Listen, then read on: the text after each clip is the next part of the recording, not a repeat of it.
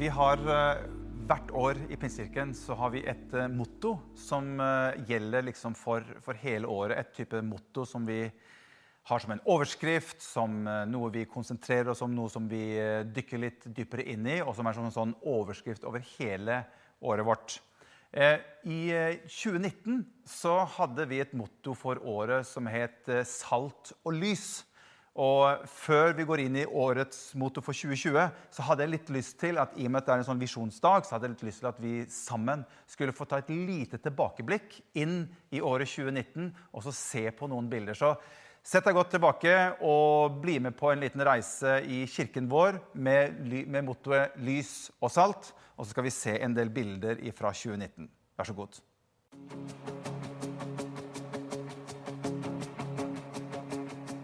I raise a hallelujah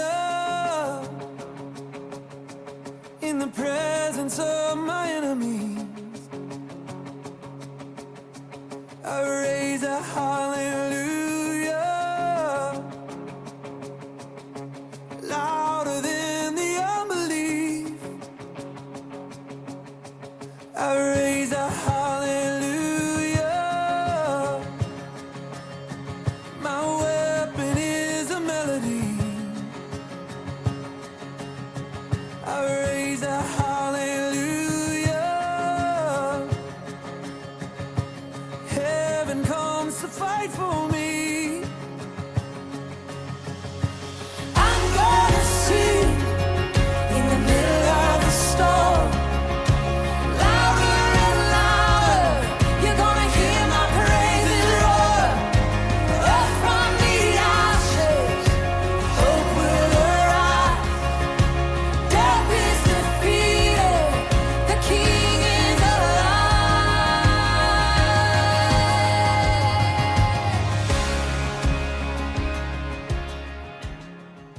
Fantastisk.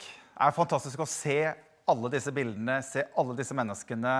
Alt som skjer i løpet av et år. Og når man sitter og ser litt og graver litt i sånn er sikkert hjemme hos deg også, i fotoalbumer, så er det utrolig hvor mange minner som dukker opp når man begynner å se på bilder som man kanskje helt har glemt. Og så kommer det opp, eh, opp eh, historikk, og så kommer det opp eh, følelser. Og det er utrolig gøy også å se sånne bilder fra kirken fra det året som, som har vært. Men vi har jo et, et, eh, et tema for 2020. Og det temaet som vi hadde, eller har nå for 2020, er noe som vi opplevde at Gud ga oss. Og det er det som står i, i Zakaria kapittel 4 og fra vers 6. Og der står det at ikke ved makt og ikke ved kraft, men ved min ånd, sier Herren. Og dette var et tema som vi presenterte for dere i kirken, og som vi fortsatt har for året 2020. Nå har jo dette året blitt utrolig annerledes enn det vi, noen av oss, kunne drømme om og se for oss at det skulle bli sånn som det har blitt, og sånn som det er i dag i dette året. Så når jeg satt litt og tenkte litt på eh, det jeg skulle dele med dere i dag, rundt dette med at vi har en visjonssøndag, og man skal dele litt og sette litt perspektiv på kirken og hva vi jobber med, og hva vi gjør, så tenkte jeg litt sånn på dette mottoet vår ikke ved kraft og ikke ved makt, men ved min ånd. Og da tenker jeg liksom, hva, hva kan dette temaet, eller hva kan dette mottoet eh, gi oss, eller gjøre for oss, eller hva kan det bety for oss nettopp når vi har kommet opp i den situasjonen som vi har kommet opp i i den uvanlige tiden vi er. Og jeg tenker kanskje at nettopp et slikt skriftsted som dette sier en god del. Fordi at det står i Zakaria at det står 'ikke ved kraft' og 'ikke ved makt', men ved min ånd, sier Herren. Og det som ligger som en litt sånn undertone i dette skriftstedet, er jo nettopp det at Gud, vi greier ikke å få til dette i egen kraft. Vi greier ikke å få til dette ved egen makt. Men vi er totalt avhengig av deg, Gud, og din ånd for at det som du ønsker å gjøre, Gud, kan bli, kan bli gjennomført, og at vi kan få lov til å være med og virke og arbeide for ditt, ditt rike, selv midt oppi en sånn tid som vi lever i dag. Så jeg har bare lyst til å løfte opp det mottoet som vi har for 2020. Ikke ved kraft og ikke ved makt, men ved min ånd, sier Herren. Og vi tjener en Gud som ikke er avhengig av tid. Vi tjener en Gud som ikke er avhengig av rom og avstand, men vi tjener en Gud som utover vår forstand kan virke med sin ånd og med sin kraft. Og han har makt til å gjennomføre det som han ønsker å gjøre i den tiden her. Dette er en visjonssøndag, og jeg ønsker å dele litt fra mitt hjerte opp imot Pinsekirken.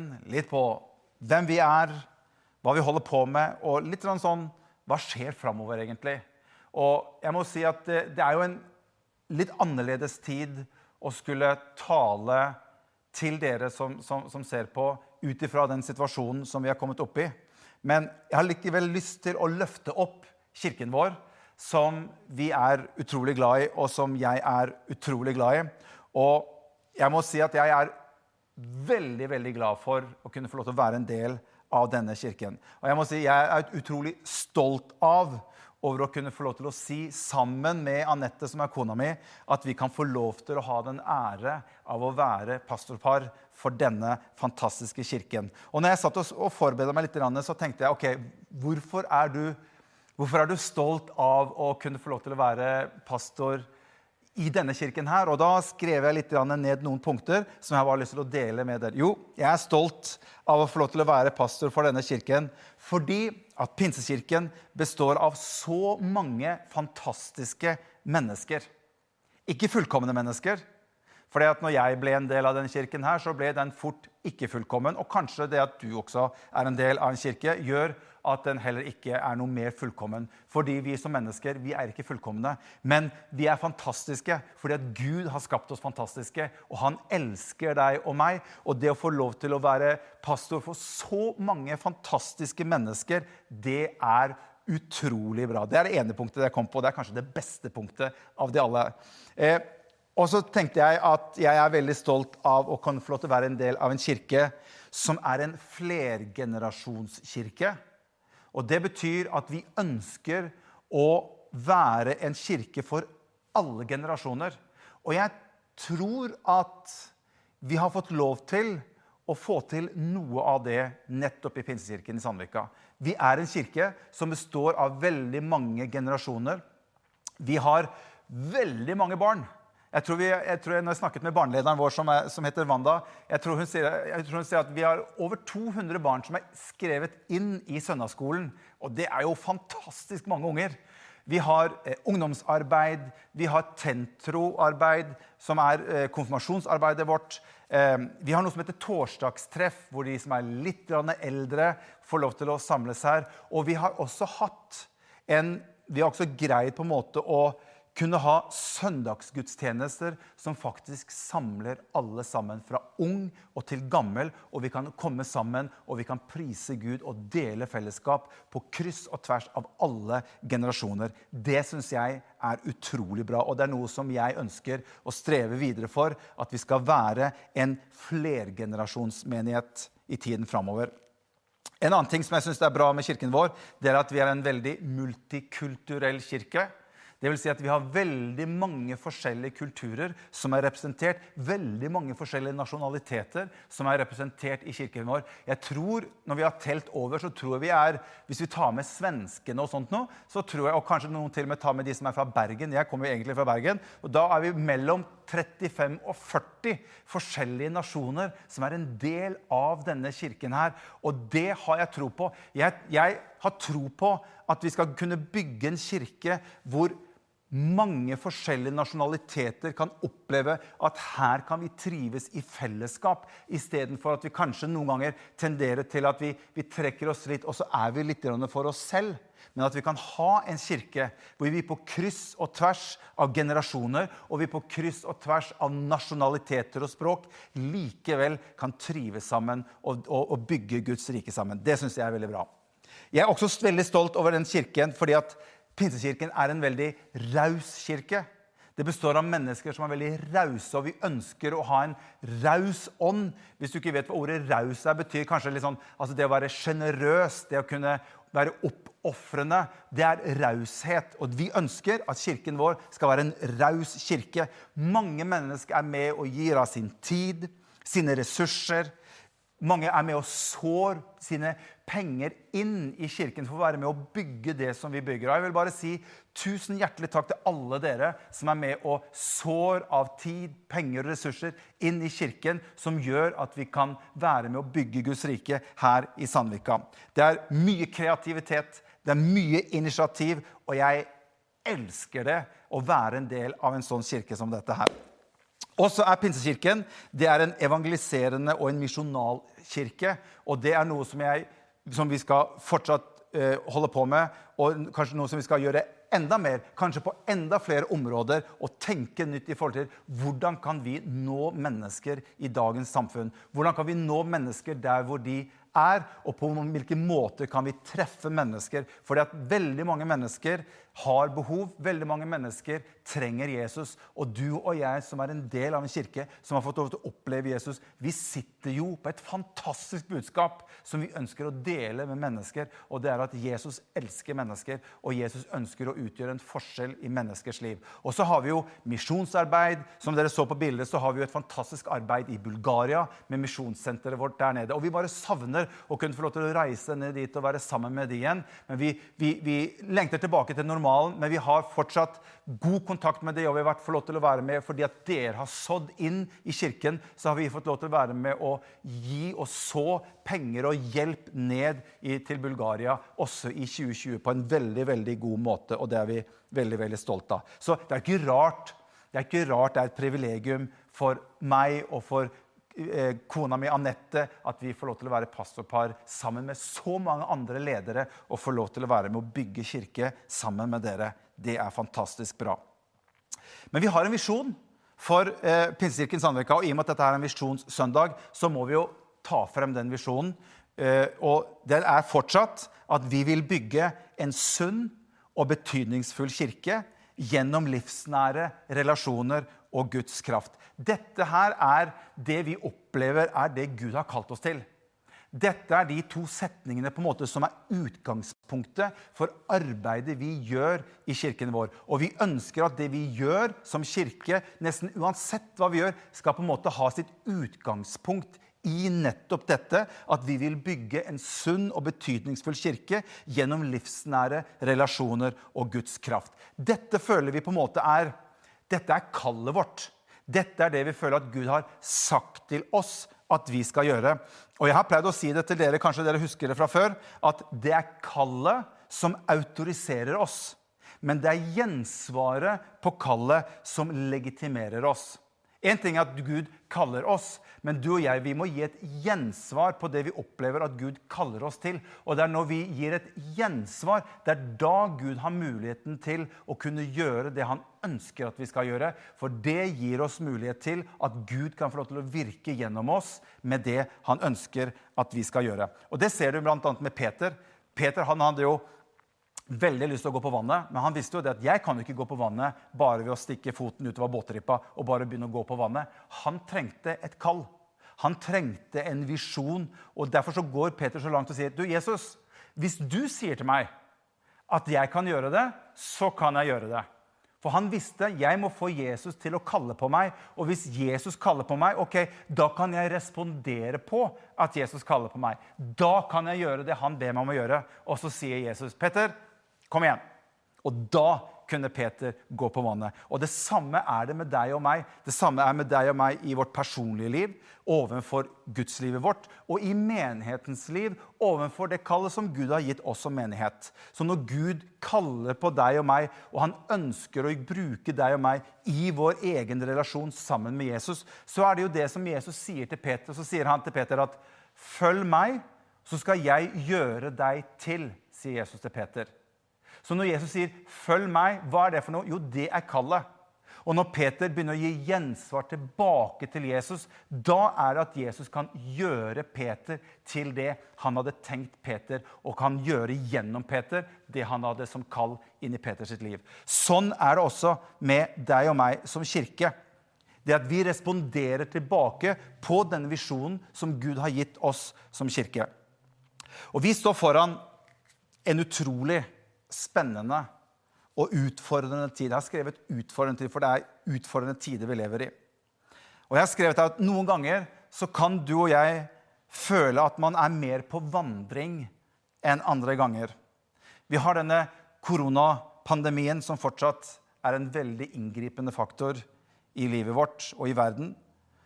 Og vi har noen utfordringer i vår kirke oppimot dette med lokaliteter osv. Men midt oppi dette så føler jeg samtidig noe guddommelig eller gudvillet. Og jeg har tenkt veldig mye på det i den siste tid, det som, som eh, Gud taler til Abraham om. Og jeg bare vil lyst til å vise dere noen ting før, før jeg er ferdig. I første Mosebok kapittel 12 og vers 1.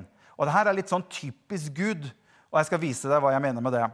Fordi at Der kommer det fra vers 1, kapittel 12 og vers 1. Da står det Herren sa til Abraham dette her, når, når Gud begynner å kalle på Abraham for aller første gang, så står det Dra bort fra landet ditt og fra slekten din og fra farshuset ditt til det landet som jeg skal vise deg. Jeg vil gjøre deg til et stort folk. Jeg vil velsigne deg og gjøre navnet ditt stort, og du skal bli til velsignelse. Det som jeg synes er litt sånn å legge merke til, det er det som, som Gud starter litt i begynnelsen. For han sier at 'jeg skal, jeg skal eh, lede deg til et land som jeg skal vise deg', sier han. Og jeg tenker at når Gud kaller på deg og meg så Hvis jeg hadde vært Abraham, så hadde jeg i utgangspunktet kanskje vært litt usikker og kanskje hadde spurt ok Gud, men hvor er det hen? Men det virker som at Gud sier liksom ikke noe veldig konkret til Abraham hvor han ønsker at Abraham skal gå. Nei, han ber egentlig bare Abraham du må bryte opp fra der du er nå, og så må du begynne å bevege på deg. Og når du begynner å bevege på deg, så skal jeg vise deg litt etter hvert hvor du skal gå hen. Jeg vet hvor du skal, men du Abraham, du vet ikke hvor du skal.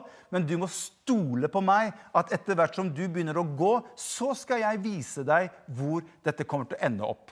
Og da måtte Abraham begynne å stole på Gud før han har klarhet i hvor dette kommer til å ende. Og det gjør Abraham. Og Derfor så tror jeg at dette er noe som du ser, dette går igjen i hele Gamle Testamentet og i Det nye testamentet. Det virker som dette her er noe som Gud på en måte har som et sterkt ønske for deg og meg i våre egne liv sammen med Jesus.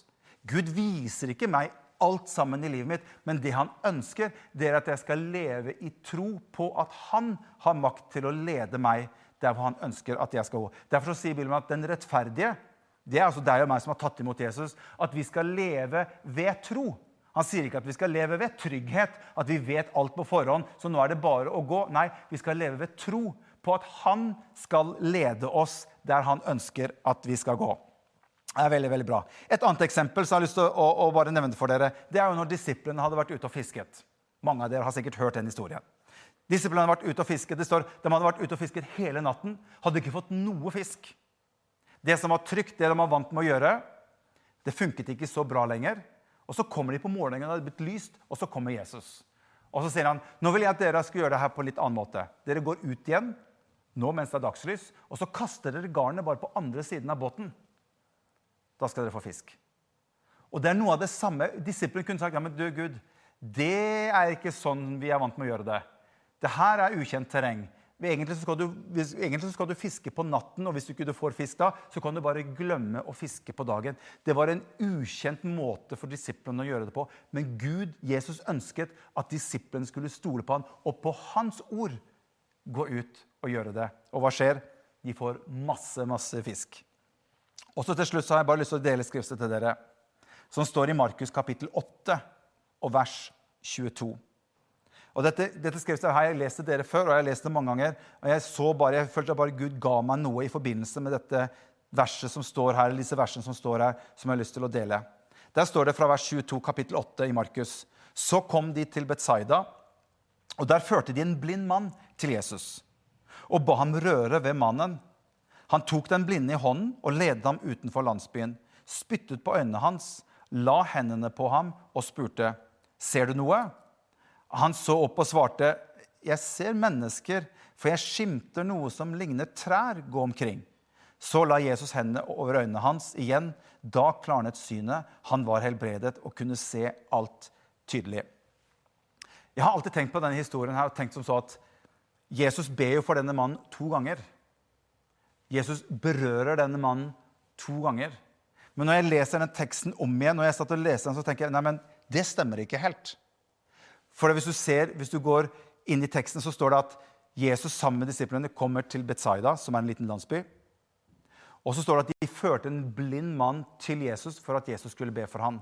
Og så står det noe som er litt sånn, som vi, ikke må, vi ikke må miste. står det, Da tok Jesus denne mannen ved hånden. står det. Så Det er den første berøringen som Jesus har med denne blinde. Det er at han tar ham ved hånden, og så står det og ledet den blinde mannen ut fra landsbyen. Så faktisk det som skjer her, det er at Jesus, selveste Jesus Jeg tenkte når jeg leste dette, ja, men kjære deg, ble ikke han bare helbredet med en gang? Altså, Hvordan går det an at Jesus kan ta en mann med hånden og må, og må lede han ut? Og han, jeg tenkte at da bare ser han med en gang. Men det skjer ikke her. Det står at Jesus tok han ved hånden og ledet han ut av landsbyen. Og der først legger han hånden på han. Hva er det Jesus vil vise oss med dette verset her? Og det var noe av dette som jeg følte at jeg som traff meg litt. For jeg kan føle, hvis jeg skal være litt sånn ærlig i den tiden som vi lever i, oppimot det å være pastor og skal lede en kirke sammen med mange andre, det er at det er ikke alltid jeg greier å se helt klart. Det er ikke alltid jeg greier liksom å se ja, nå skal vi gjøre det, nå skal vi gjøre det, nå skal vi gå dit eller nå skal vi gå dit.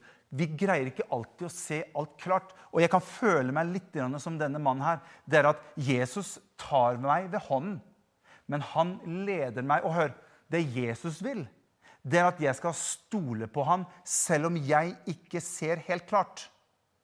For Jesus sier til meg, Morten, jeg tar deg ved hånden og så leder jeg deg, men du må stole på at jeg leder deg i riktig retning.